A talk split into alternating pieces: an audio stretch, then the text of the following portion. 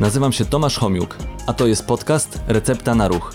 Podcast, w którym wraz z moimi gośćmi udowadniamy, że ruch jest lekiem i namawiamy do zażywania go w różnej postaci. Cześć, witam Was na kolejnym odcinku podcastu Recepta na Ruch. Dzisiaj moim gościem jest doktor nauk medycznych Ania Ścibisz, Cześć, dzień dobry. kardiolog, bariatra od roku, z tego co już wiem. Tak jest. Gdzie pracujesz, Aniu?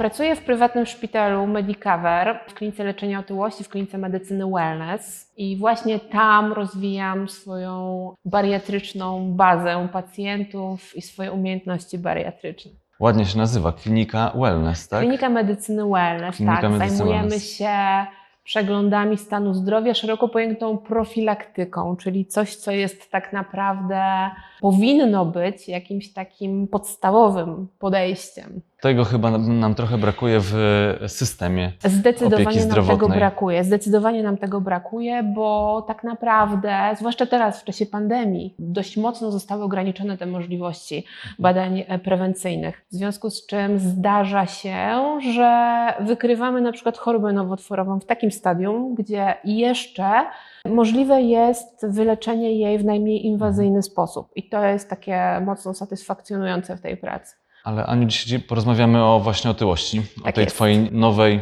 może nie specjalizacji, ale czymś, czym się zajmujesz właśnie Jasne. ostatnio, dosyć intensywnie. Czy w w Polsce mamy problem z otyłością? W Polsce mamy ogromny problem z otyłością i to można sobie również poobserwować, wychodząc na ulicę w Polsce, wychodząc na plażę mm, w Polsce i jedąc na przykład do kraju jak mojego ukochanego, jak chociażby Włochy, gdzie tych pacjentów otyłych jest znacznie mniej. Jednak ten śródziemnomorski styl życia, szeroko pojęty, wpływa na to, że tych pacjentów z otyłością już na, mniej widać tam na ulicach. W Skandynawii chyba jeszcze mniej widać. Właśnie. W Polsce jest to ponad 50% pat- osób, pacjentów ma otyłość lub nadwagę, ale o otyłości, o której mówimy, opierając się na wskaźniku masy ciała BMI powyżej 30, ten problem niestety narasta. I ja to też widzę w gabinecie, bo ilość pacjentów zwiększa się dramatycznie. No do tej pory mieliśmy wyobrażenie, że raczej Stany Zjednoczone były takim miejscem, gdzie, Mhm. no bo najbardziej rozwinięty może region świata i tam to też pokazuje, że im bardziej kraje rozwinięte, im więc łatwiejszy dostęp do pożywienia, do tego, do wygody różnego Jasne. rodzaju, no to tych osób otyłych jest więcej. Ale dlaczego otyłość szkodzi zdrowiu? Tak naprawdę ustalono, że około 200 chorób może być spowodowanych samym faktem otyłości. I to tak naprawdę, jakbyśmy sobie przejrzeli całego człowieka od góry do dołu, to począwszy od chociażby zwiększenia ryzyka udarów mózgu, poprzez moje kardiologiczne kwestie, czyli zawał serca, nadciśnienie tętnicze, cukrzycę, choroby stawów, mogłabym tutaj bardzo długo wymieniać. Te choroby, które wiążą się z otyłością. I my to wiemy również dlatego, że na przykład lecząc pacjenta z otyłości, nagle wyrównuje się mu cukrzyca, albo czasem nawet e, całkowicie znika, albo poprawiają się wartości ciśnienia tętniczego, więc to faktycznie ma znaczenie. A jakie są przyczyny otyłości? Tak naprawdę najwięcej przyczyn otyłości to jest ta otyłość, która wynika z nadmiernej podaży energii. To nie jest do końca tak, jak czasami pacjenci chcieliby sobie wytłumaczyć, że to jest kwestia hormonalna, że to jest kwestia tak zwanych grubych kości. No, nie do końca jest coś takiego jak grube kości. Ma tutaj również znaczenie genetyka, ale jak się poobserwuje pacjentów i po, porozmawia z nimi w kontekście tego, czy rodzice byli otyli, czy dziadkowie byli otyli, to tutaj raczej wychodzą takie wzorce żywieniowe, które zostały wdrażane e, pacjentowi od maleńkości. Czy tam babcia pilnowała, Tak. żeby dziecko było na pewno Tak. najedzone? Dokładnie. Albo babcia, która miała w pamięci na przykład to, że w czasie wojny tego jedzenia nie było, przekładała to tak wnusiu zjedz sobie teraz, bo, bo nie wiadomo, czy nie zabraknie tego gdzieś tam w przyszłości.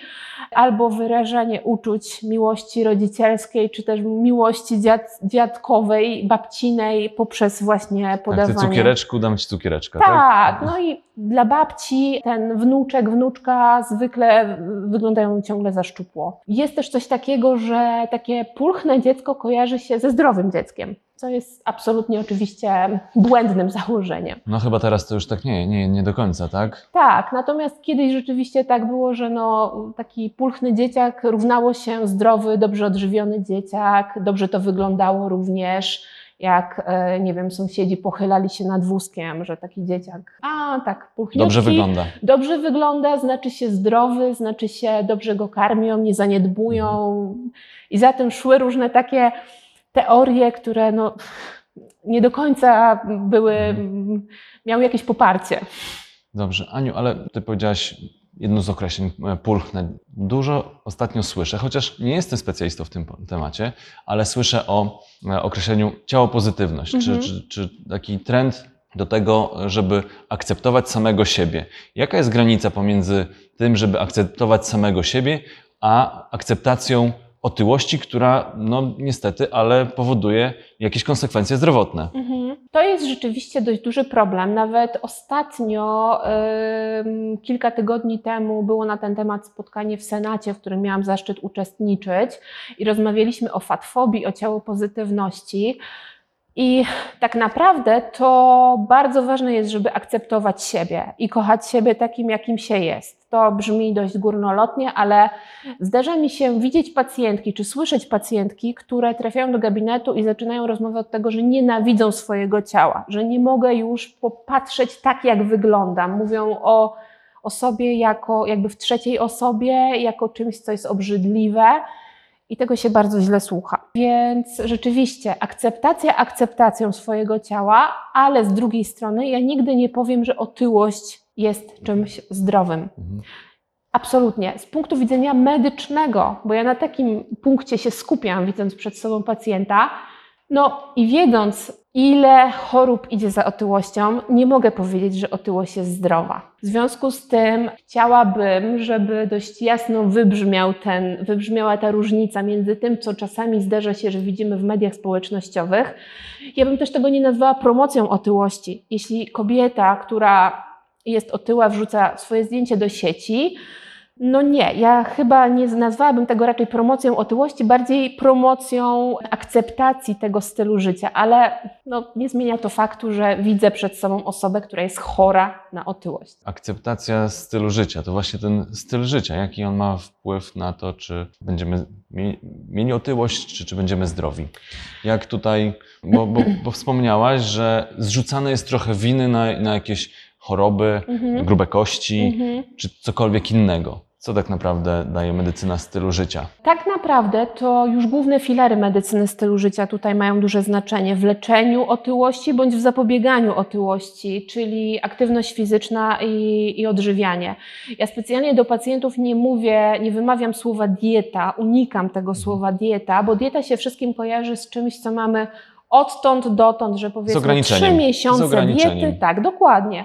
Przechodzę na dietę, a potem z tej diety wychodzę i jem normalnie. No nie, to powinno być nowym stylem życia. Ja zawsze pacjentom mówię, że no niestety to pewne nawyki z tego starego stylu życia, gdzie jadło się nieograniczone ilości pewnych pokarmów, trzeba pożegnać. Ja też nie lubię takiego podejścia wszystko albo nic, czyli oczywiście to nie jest tak, że taki pacjent nie zje już nigdy w życiu pizzy, czekolady albo jeszcze, nie wiem, nie wypije alkoholu. Wszystko jest dla ludzi, tylko w odpowiednich ilościach. W małych ilościach, jeśli chodzi właśnie o te produkty, które wymieniłam. Do tego aktywność fizyczna, która bardzo mocno w pandemii teraz niestety podupadła. Bo pacjenci, słyszę to, że większość w momencie, kiedy została zamknięta w domach, w czasie lockdownu, przestała nawet wykonywać te podstawowe czynności typu spacer do pracy, poruszanie się w pracy, wejście po schodach.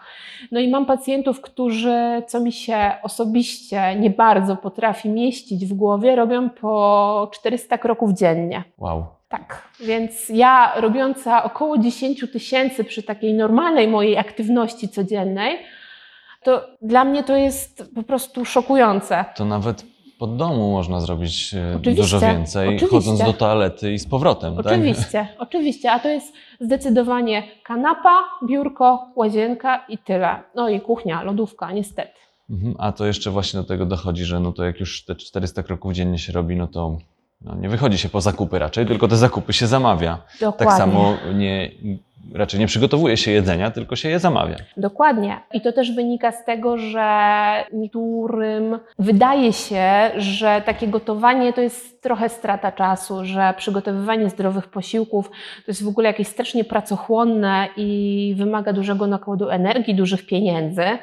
A tak naprawdę wcale tak nie jest. Mhm. Wcale tak nie jest i zdrowa dieta to jest dieta prosta, to co Polskie Towarzystwo Medycyny Stylu Życia promuje cały czas na swoich mediach społecznościowych czy na konferencjach. To jest proste, proste e, produkty o dobrej wartości odżywczej, w prosty sposób przygotowane. To nie jest skomplikowane, ale prościej jest zamówić pizzę czasami. No, trochę no, jest w tym lenistwa po prostu. Oszczędzamy energię mocno. tak. Niektórzy aż za mocno. Tak jest, natomiast jakimś tam wyjściem dla pacjenta, który jest zdeterminowany, są diety pudełkowe, przynajmniej na jakiś czas. Ja czasem pacjentom mówię, że przynajmniej, nie wiem, na miesiąc, żeby spróbować, jak ten nowy styl życia będzie wyglądał, żeby się z tym jakoś łagodnie spróbować zaprzyjaźnić, no bo jak e, proszę o konsultację dietetyczną, to często na każdego pacjenta wysyłam na konsultację dietetyczną. Sama nie jestem dietetykiem, nie mam takich umiejętności, żeby te jadłospisy układać. W związku z tym mówię pacjentom o konsultacji dietetycznej, ale ja wiem wszystko o zdrowym żywieniu. No bo ta, ta, to- Doświadczenie tak, mają przeważnie tak, duże tak. te osoby. Zwykle mają duże, duże doświadczenie, ale to się totalnie nie przekłada na praktykę i na życie. Wiele osób od razu mówi: Nie, nie, ja nie będę gotować sobie pokarmów. I myślę, że jakbyś rozmawiał właśnie z jakimś dietetykiem, to mm, przyzna rację, że to są pacjenci, którzy nie, nie, nie, ja to nie mam czasu tutaj przygotowywać tych posiłków, ja nie będę stał w kuchni, ja tutaj pracuję i tak dalej, i tak dalej. Więc te wymówki gdzieś tam się pojawiają, ale zawsze jest sposób na to, żeby, żeby zacząć się jednak inaczej żywić. Słucham, że dużo rozmawiasz z pacjentami na temat żywienia, aktywności fizycznej. Czy to wynika z tej działki, którą się teraz zajmujesz, czyli bariatrii, czy wcześniej, no bo jesteś lekarzem kardiologiem, czy z pacjentami, z innymi pacjentami też rozmawiasz, no bo to rzadko się spotyka, żeby, żeby gdzieś tam słyszeć o tym, że ten temat jest mocno poruszany na wizytach, które często dotyczą, no wydawałoby się, poważniejszych problemów. Mhm. Ja od pewnego czasu, od kiedy zaczęłam się angażować nieco i poznawać medycynę stylu życia, zaczęłam każdego pacjenta o to pytać. I każdego pacjenta, który trafia do mnie do gabinetu na pierwszą wizytę, pytam o aktywność, o nałogi, o sen, o szeroko pojęty styl życia, o żywienie. Więc mam już jakiś pogląd na tego pacjenta. I dzięki temu też jestem w stanie ocenić, czy na przykład wdrażając jakieś zmiany w tym zakresie, jestem w stanie wpłynąć na jego chorobę kardiologiczną, jak chociażby na to nadciśnienie tętnicze, o którym już wspominałam, że mm, u pacjenta, u którego wdrożymy aktywność fizyczną, który zredukuje masę ciała, mam szansę nawet odstawić leki na nadciśnienie. Więc e, czasem dla niektórych pacjentów to jest fajna motywacja, bo jak młody pacjent słyszy sobie, że okej, mogę mu odstawić leki, no to kto by nie chciał. Pewnie. Więc, więc czasami to pacjentów motywuje i faktycznie biorą się za siebie. I 2-3 miesiące później widzę pacjenta w gabinecie, mierzę mu ciśnienia są ok, możemy te leki odstawić. To okej. To ja tutaj cieszę się, że w ogóle e, taki temat z pacjentami poruszasz. Natomiast ja też e, się zastanawiam nad tym, no bo ja też daję rekomendacje swoim pacjentom, czy nawet nie pacjentom, osobom, którym gdzieś tam doradzam, Mhm. nawet profilaktycznie. Fajnie wiemy, co powinniśmy rekomendować, Mhm. ale czy to później się przekłada na życie pacjentów? Czy oni rzeczywiście słuchają naszych rad? Czy jak, jak, jakie jest Twoje doświadczenie w tym zakresie? Czy mówi się o tym compliance, tak? Także Mhm. czy, czy te zalecenia, które my dajemy, no, są wdrażane w życie? Bardzo różnie z tym bywa, bo to też zależy od pacjenta, od jego motywacji, od jego zdeterminowania, od tego, w jakim stanie zdrowia aktualnie się znajduje. Rzeczywiście bywa tak, że pacjenci czasem porzucają te zalecenia, ale tak naprawdę to część osób sobie też troszkę inaczej wyobraża tą aktywność chociażby fizyczną, czyli hasło aktywność fizyczna im się kojarzy z tym, że muszą zapisać się na siłownię, że muszą, nie wiem, w, w, założyć dres, wyjść pobiegać. Podczas gdy ja im na przykład mówię, OK, ale można na przykład zwiększyć liczbę kroków w ciągu dnia. I proszę sobie kupić krokomierz i zobaczyć, ile pan tych kroków robi. Albo jeśli ktoś ma smartwatcha, to ja proszę, żeby mi tego smartwatcha pokazał, czy tam jakiś odczyt z tego smartwatcha na, y, na komórce. No i patrzę, mówię, aha, tutaj robił pan 3000 kroków, a tutaj w niedzielę na przykład 500 kroków i, i co się wydarzyło w niedzielę takiego, że mógł pan iść na spacer. I mówię też pacjentom o tym, jak ważna jest ta spontaniczna aktywność fizyczna, którą wie, wiele osób sobie z tego nie zdaje sprawy, jakie to jest fajne, że faktycznie w drobnych takich rzeczach, w tym, że wejdziemy po schodach zamiast jechać windą, albo że podejdziemy do współpracownika zamiast wysyłać mu maila, mm, można sobie troszkę tej aktywności nadrobić, że to są takie drobne kroki, które ostatecznie wpływają na tą naszą, e, na ten neat. Tak, może się tego trochę uzbierać. Mieliśmy, właściwie na, nagrałem też odcinek o Mhm. tym NAT, czyli dowolnie można to nazywać, natomiast rzeczywiście y, niektóre osoby mogą dużo więcej mieć wydatku energe- energetycznego, jak się sumuje ten NIT w ciągu całego dnia, niż wtedy, kiedy pójdą na godzinny trening. No właśnie. I o tym też trzeba pamiętać, że to, że sobie godzinny trening zrobimy, Mhm. nie wiem, pójdziemy pobiegać, pójdziemy pomaszerować, super, że to zrobimy i to bardzo dobrze, Mhm. ale to nie zrekompensuje też na przykład 8-godzinnego siedzenia czy Mhm. 10-godzinnego siedzenia na kanapie. Jasne. Bo tam też ten ruch musi być pomiędzy, żeby, żeby efekt końcowy całego dnia czy tygodnia no, dawał nam odpowiednie rezultaty. Właśnie, dlatego ja pacjentom mówię, że to czasami jest suma takich drobnych rzeczy, które, które oni by, oni wtedy e, są bardzo zdziwieni najczęściej, bo to jest tak, ale jak to? To, to ma znaczenie w ogóle? Tak, bo nawet jest takie hasło, że siedzenie to nowe palenie, że siedzący tryb życia, które tak naprawdę no większość z nas, okej, ja w pracy też głównie siedzę, ale staram się gdzieś tam po pracy to kompensować. Natomiast oczywiście to jest tak, że jak ten pacjent zacznie się więcej ruszać, nagle okazuje się, że no czuje się lepiej, funkcjonuje lepiej, spara więcej kalorii, gdzieś tam ta waga idzie w dół.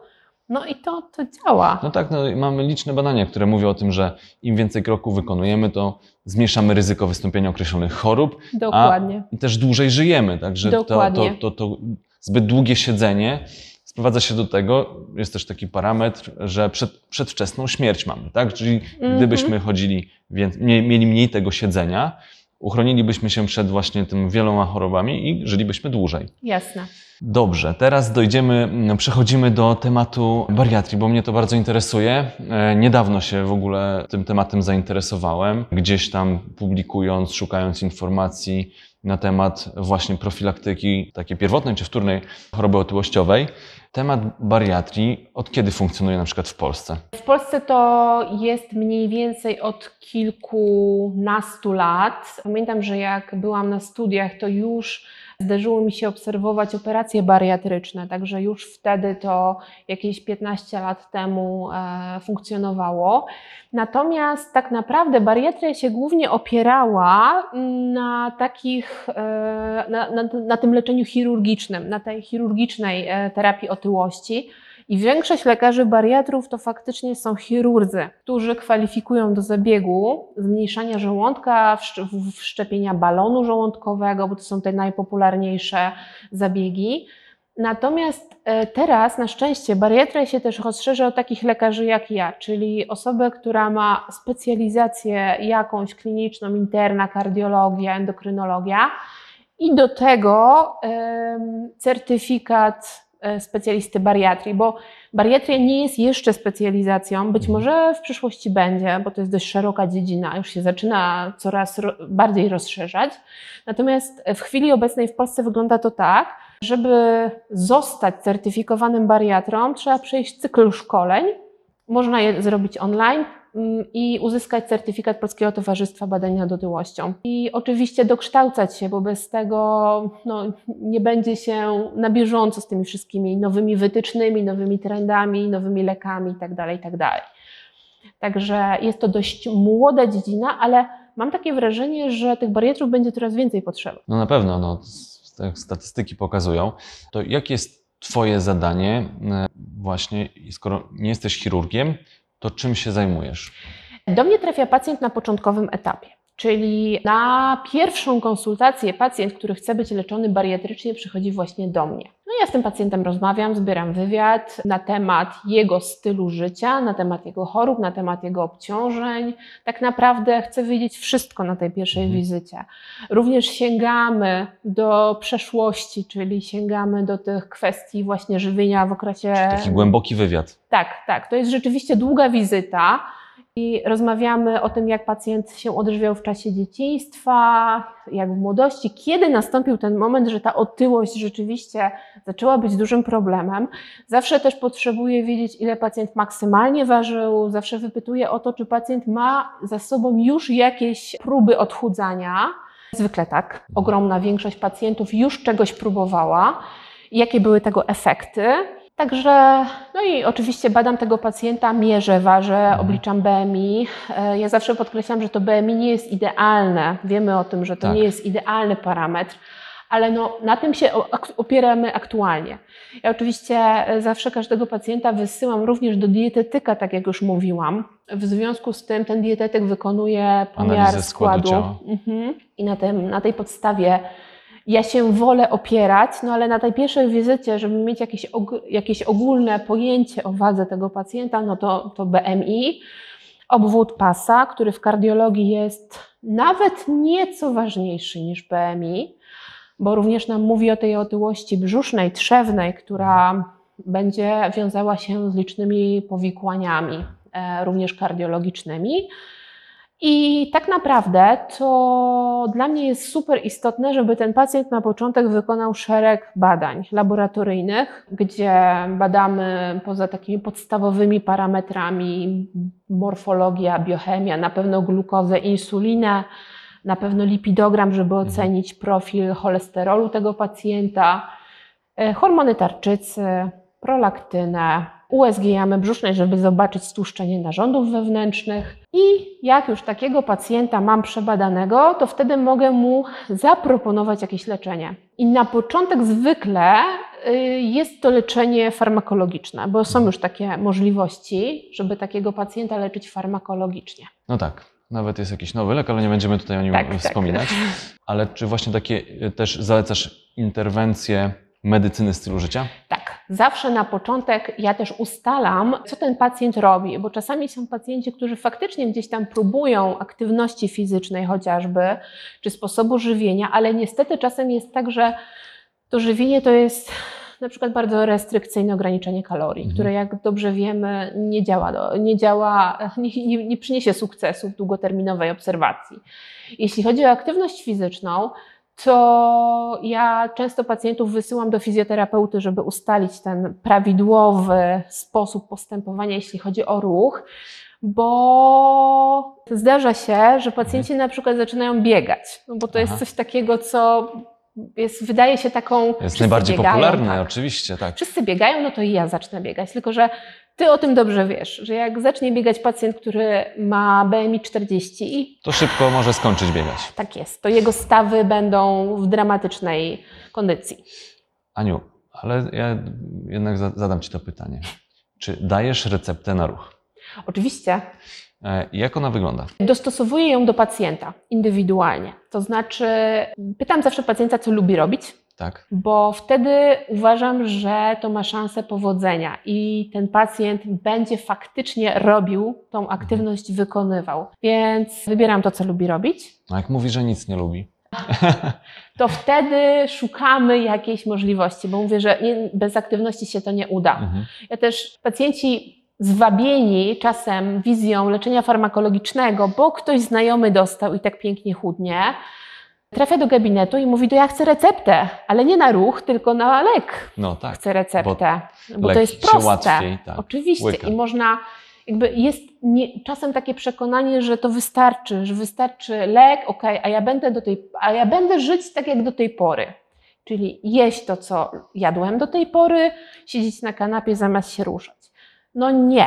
To ja szybko wyprowadzam z błędu i mówię też o tym, że stosowanie tego leczenia to jest tylko taki pomost, bo my je w końcu odstawimy, a w tym czasie pacjent ma nauczyć się tego nowego stylu życia, czyli ruszać się. Więc jak ktoś bardzo nie lubi się ruszać, to ja go wysyłam na spacery. Mhm. E, każę mu po prostu chodzić. Mówię, to wystarczy na początek. A jak się zdarza się, że jak się zaczyna czuć lepiej, bo chudnie, to wtedy łatwiej mu jest wykonywać tą aktywność. Że czasami to, że nie lubi nic robić, wynika z tego, że on po prostu szybko się męczy i ma kiepską wydolność. Tak. Więc to, to mu powoduje. się można tak. zniechęcić, jak się Tak. troszeczkę na początek da za dużą dawkę tego ruchu. Tak, tak, więc stopniowo, stopniowo, jak widzę, że pacjent pokazuje mi zegarek, na którym jest te 400 kroków, no to mu mówię, dobrze, no to w takim razie bardzo bym chciała, żeby przez dwa tygodnie robiła Pani po 1000 kroków dziennie. Jeśli pacjent to akceptuje, ok, przychodzi, faktycznie robił te 1000 kroków, no to zwiększamy tą ilość. Mhm. Bo gdybym każdemu dała, no dobrze, wytyczne mówią tak i tak, proszę w takim razie godziny aktywności fizycznej dziennie, tyle. No to, to, to nie ma szansy powodzenia najmniejszej. A jeśli ustalamy sobie, dobra, 2000 kroków, 4000, pacjent wie, że ten mój próg będzie się zwiększał, że będę mu zwiększać tą aktywność fizyczną, no to też jakby mm, stara się do tego Mhm. podejść e, dość uczciwie. No dobrze, a to właśnie teraz o rekomendacjach może po, po sobie porozmawiamy. Są rekomendacje właśnie dotyczące osób, które mają problem z otyłością. Tak, Rekomendacje mówią nam, że mamy dwa rodzaje wysiłku. tak jest. Że mamy wysiłek ten tak zwany cardio i wysiłek y, i aktywność siłową. Tak jest. 30, ja pamiętam, bo jeszcze niedawno Mhm. pisałem o tym, e, 30 minut wysiłku wytrzymałościowego i to 5 dni w tygodniu. Mhm. Minimum 30 minut. Minimum, dokładnie. 5 dni w tygodniu. Może być, może być też mała zmiana, bo można wprowadzić trening interwałowy, który daje, może być krótszy, a daje podobny efekt. No ale też musi być to te 5 razy w tygodniu. I mamy jeszcze e, wysiłek siłowy dwa razy w tygodniu. Tak jest. To jest taka idealna recepta, ale u części pacjentów da się do tego poziomu dotrzeć po pewnym czasie. Oczywiście. Czyli e, są pacjenci, którzy są bardzo zdeterminowani, ale również gdybym włączyła im taką ilość wysiłku fizycznego, no to taki pacjent szybko by stał się pacjentem Twoim na przykład. I, Moim, albo w ogóle już by przestał do nas chodzić. albo tak, albo stwierdziłby, dobra, to tutaj powikłanie, to nie, to ja lepiej, nie wiem, zamówię pizzę i, i posiedzę sobie przy serialu. Ale faktycznie... Znaczy do tego dążymy, tak? Do tych Mhm. rekomendacji. tak, tak, Dla jednego pacjenta Tak. to będzie 3 miesiące, Tak. żeby dojść, dla innego rok. tak. Ale tak, tak. jakby, czy zanim kwalifikujesz się do operacji, nie wiem, czy ty kwalifikujesz do operacji, czy jak to ja wygląda? wstępnie wykonuję badania przed zabiegiem operacyjnym, oceniam tego pacjenta kardiologicznie, czy się kwalifikuje i wysyłam go do chirurgów, którzy już ostatecznie kwalifikują i decydują o metodzie zabiegu. Mhm. W wielu miejscach e, w Polsce robi się takie operacje? Jest tych ośrodków kilkanaście. Możliwa jest operacja również refundowana, więc jest taka opcja. Tam ten czas oczekiwania jest pewnie nieco dłuższy, ale tych ośrodków powstaje coraz więcej. Zajmujących się, to się czasem nazywa chirurgią otyłości, czasem chirurgią metaboliczną. Bo tak jak już wspominaliśmy, takich pacjentów jest coraz więcej i faktycznie zapotrzebowanie jest. No dobrze, ale to jacy pacjenci są kierowani przez ciebie? To, że masz jakąś interwencję związaną z medycyną Mhm. stylu życia, czyli żywienie, aktywność fizyczna, Mhm. też pewnie i psycholog tutaj ma duże tak, znaczenie. koniecznie psycholog. który jest właśnie do takiego działania, a który, no wiadomo, że to już idzie w kierunku operacji. I czy ta operacja jest od razu, czy właśnie musi być poprzedzona właśnie jakimś czymś innym? To jest tak, że pacjent, który ma BMI powyżej 40 albo BMI niższe, ale do tego ma nadciśnienie tętnicze i cukrzycę, na przykład, które są bardzo źle kontrolowane, już się kwalifikują do zabiegu operacyjnego. Zwykle takim pacjentom ja od razu mówię, że ok, możemy, możemy spróbować leczenia farmakologicznego, bo również wytyczne rekomendują, żeby początkowo spróbować pacjenta wdrożyć na leczenie farmakologiczne. Poza tym, zanim mu wykonamy wszystkie badania, zakwalifikujemy, to już będzie ta redukcja masy ciała następowała. Kolejna sprawa jest taka, że chirurdzy przed zabiegiem operacyjnym chcieliby, by ta redukcja masy ciała wynosiła około 8-10% aktualnej masy ciała. Mhm. W związku z tym e, bo poprawia to warunki operacyjne, poprawia to, zmniejsza to ryzyko zabiegowe, ryzyko znieczulenia takiego pacjenta. W związku z tym my już jakby w momencie, kiedy pacjent przekroczy próg gabinetu, już zaczynamy. Też również w tym celu, żeby ten pacjent już czuł, że jest w tym, Mhm. już dostaje zalecenia, dostaje badania, potem dostaje leki. Także mm, wynik, a to, ten, ten, ten próg BMI tego 40, czyli otyłość olbrzymia, wynika również z tego, że udowodniono, że pacjentom jest bardzo trudno schudnąć, jeśli mają takie BMI, tymi metodami, nazwijmy to klasycznymi, czyli dieta, aktywność fizyczna. Mhm. Więc tacy pacjenci największe korzyści czerpią właśnie z leczenia operacyjnego. Dobrze, a co się dzieje, no bo tam są różne rodzaje też Mhm. tych, to, tej, tej operacji, tak? Jak wy, wygląda życie po, po operacji, czy jakie są zalecenia Mhm. e, dla takiego pacjenta po, po operacji? Ok, więc taki pacjent, który ma zmniejszony żołądek do około 200 ml, uśredniając, tak, bo to się też. A jakie też żołądki mogą być wielkości? O, kij ponad litr, zdecydowanie. To myślę, że pytanie najlepiej do chirurgów bariatrów, bo oni No to tak, widzą, widzą. Te, te żołądki. Natomiast faktycznie 200 ml to jest malutko, to jest pół butelki wody tej No małej. tak, to To łatwo sobie filiżanka, wyobrazić. Właśnie, więc w związku z tym, że tak małą objętość możemy przyjąć po takiej operacji bariatrycznej, to taki pacjent przez pierwszy etap po zabiegu jest żywiony dietą taką płynną. Oczywiście trzeba uzupełniać witaminę, bo nie wszystko się będzie tak dobrze wchłaniało. Trzeba uzupełniać białko, żeby nie tracić tkanki mięśniowej, bo chodzi nam o to, żeby ten pacjent schudł z tkanki tłuszczowej, ale No nie oczywiście. tracił mięśni, żeby potem nie był takim pacjentem wyniszczonym. I to się stosuje około 6-7 tygodni, taką dietę. Następnie powoli, powoli zaczyna się wdrażać dietę taką z pokarmami bardziej stałymi, ale cały czas w malutkich ilościach. Mhm. Te posiłki muszą być częstsze, ale małe. Szczegół też taki, który pacjenci, dla pacjentów jest taki no, dość interesujący, że nie można popijać tych posiłków bezpośrednio, tylko mniej więcej pół godziny po, no bo to wszystko się nie zmieści w żołądku. Mhm. Pacjenci czasem, latem zwłaszcza, skarżą się, że nie mogą sobie ugasić pragnienia, biorąc butelkę wody i pijąc tak do oporu, no bo się nie da, bo się nie Tak. mieści ta woda.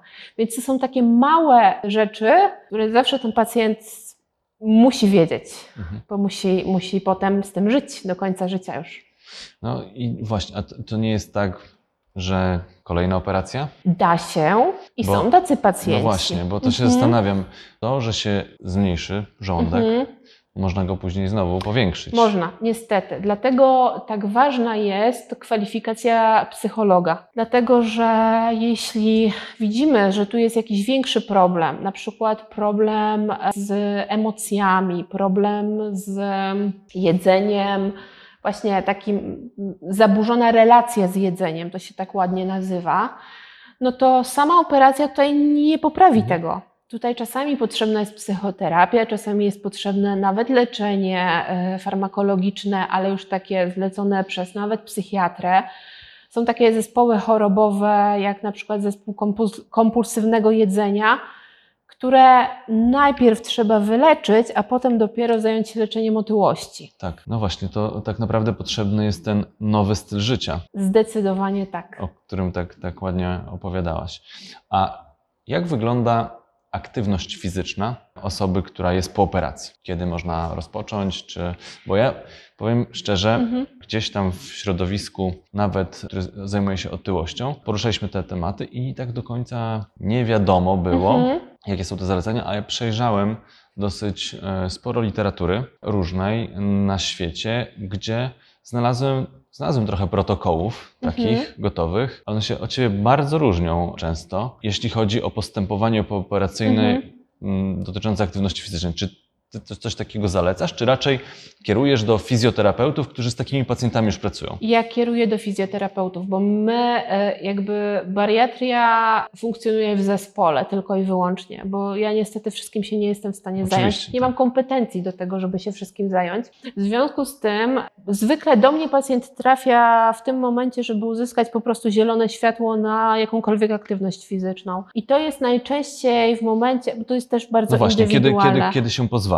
Mniej Czy więcej... to chirurg o, o tym decyduje, czy to właśnie ty decydujesz? Czasem chirurg, czasem ja. Zależy do kogo pacjent pierwszy trafi, bo mm, konsultacja chirurgiczna po zabiegu jest szybciej, bo pacjent przychodzi na zdjęcie szwów 10 dni po zabiegu. I już czasem chirurg, już czasem pyta chirurga, chirurg mówi, dobrze, to tam po, proszę, po, po, po dwóch miesiącach można zacząć coś ćwiczyć. No, nie będzie to dotyczyło oczywiście ćwiczeń mięśni brzucha, choć zabiegi są wykonywane metodą laparoskopową, więc te cięcia są małe. Pac- Pacjent jest dość szybko uruchamiany. My tak naprawdę mm, w ośrodku, gdzie pracuję, takiego pacjenta na drugi dzień po zabiegu często wypuszczamy do domu.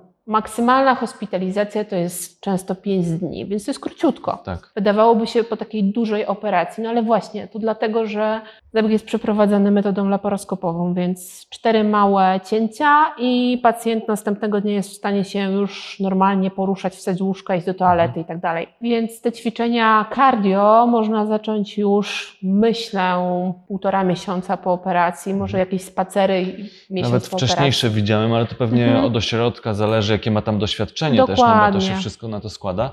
Natomiast widziałem, że to jest no oczywiście bardzo stopniowo, tak? Ta, Tak, ta dawka tak, tak, jest tak, zwiększana tak. bardzo stopniowo, to Tak. jest jedna rzecz. Jeśli chodzi o trening siłowy, bo trening siłowy też jest zalecany Mhm. i też znalazłem protokoły, w których są właśnie ćwiczenia siłowe na górną część ciała, czyli na kończyny górne, na Mhm. kończyny dolne, ale też na tułów. Także też jest tak, że to nie jest od razu jakiś tam duży opór, czy to jest duży, duży ciężar, który trzeba pokonać, tylko jest to robione też stopniowo.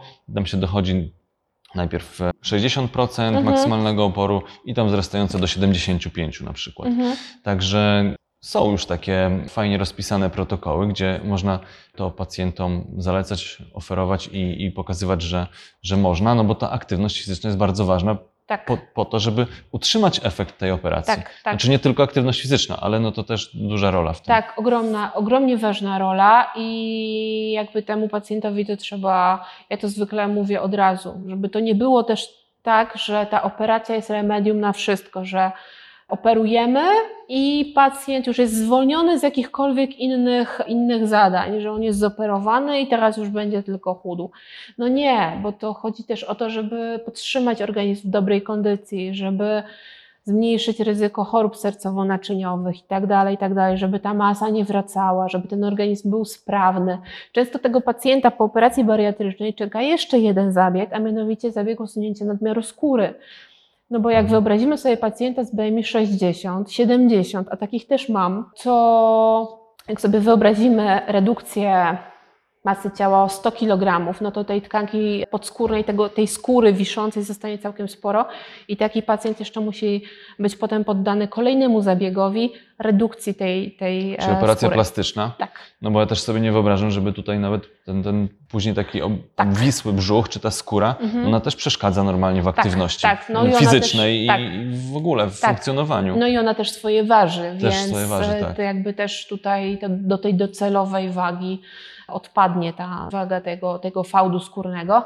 I tak, takie operacje też się robi i też są na NFZ, jeśli jest to pacjent, który był operowany, a na NFZ to spokojnie można go na NFZ zoperować, czyli jest to operacja refundowana. Aniu, nie wiem, czy tam. Na pewno nie wyczerpaliśmy tematu, ale to nie chodzi też o to, żeby, żeby e, całkowicie wyczerpać, tylko. Ale chciałem się jeszcze Ciebie spytać, jakie formy aktywności Ty lubisz i Ty stosujesz u siebie?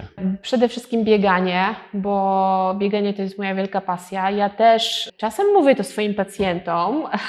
Ważyłam kiedyś 20 kg więcej i dzięki aktywności fizycznej, To sporo nawet. tak, i dzięki aktywności fizycznej te kilogramy udało mi się zrzucić. Właśnie dzięki regularnej aktywności fizycznej. Ale to głównie uważasz, że to był ruch, czy to, czy to raczej dietka też? E, właśnie Czy- głównie uważam, że ruch, bo ja wtedy zaczęłam, może nie było moim celem redukcja masy ciała, ale po prostu chciałam się regularnie ruszać. I jak się zaczęłam regularnie ruszać, to nagle magicznie w ciągu roku te 20 kg zginęły, a to naprawdę nie było moją taką pierwotną intencją. Ja po prostu chciałam zacząć coś robić. Nowy styl życia chciałeś Nowy styl zacząć. życia, dokładnie.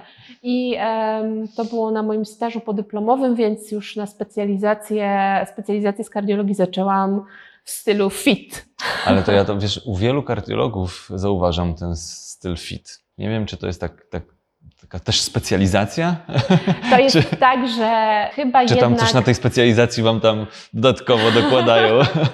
my po prostu wiemy, że to jest super ważne. A poza tym ja jestem zdania, że jeśli, jeśli do czegoś namawiam pacjentów, to jakby powinnam być żywą reklamą tego. Oczywiście. I e, jest takie ładne angielskie powiedzenie practice what you preach. Ja to bardzo lubię i jakby jestem wyznawczynią tego, że skoro komuś zalecam aktywność, no to ja powinnam być aktywna, bo gdybym po wizycie, po, po, po przyjęciu pacjentów szła sobie, nie wiem, zapalić pod przychodnie, no to to by było mało wiarygodne. Z piwkiem w ręku. No tak, właśnie, więc nie. Jeśli już to czerwone wino polecam, bo dla serca jest bardzo zdrowe.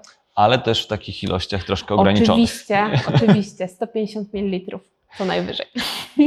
Czyli świecisz przykładem. Staram się, absolutnie nie jestem. Myślisz, że to pomaga właśnie w tym, żeby pacjentów przekonać? E, Myślę, że tak. Myślę, że tak, bo Mhm. jeśli pacjent gdzieś tam, nie wiem, czy zaczyna mnie obserwować na Instagramie i widzi moje zdjęcie z maratonu, to może gdzieś tam pomyśli sobie, hej, ona faktycznie ćwiczy, to nie jest takie sobie gadanie.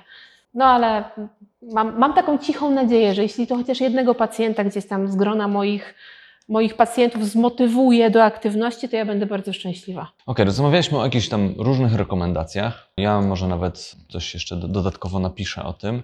Niekoniecznie w podcaście, ale no, zobaczę jeszcze. Na pewno publikacje jakieś jeszcze będą powstawały na ten temat odnośnie właśnie aktywności fizycznej przed operacją bariatryczną i po operacji e, bariatrycznej. Ale o tych rekomendacjach mówiliśmy, wiemy jakie są wytyczne.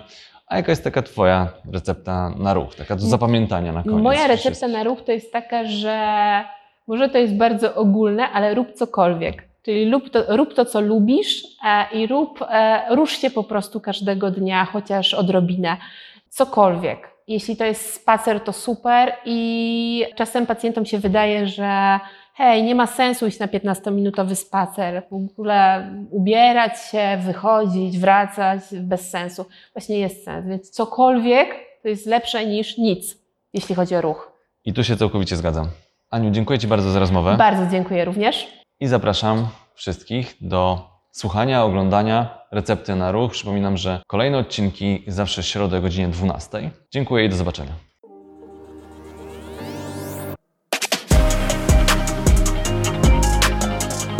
Dzięki, że byliście. Mam nadzieję, że zostaniecie tutaj na dłużej. Jeżeli chcecie być na bieżąco, zasubskrybujcie kanał Recepta na Ruch.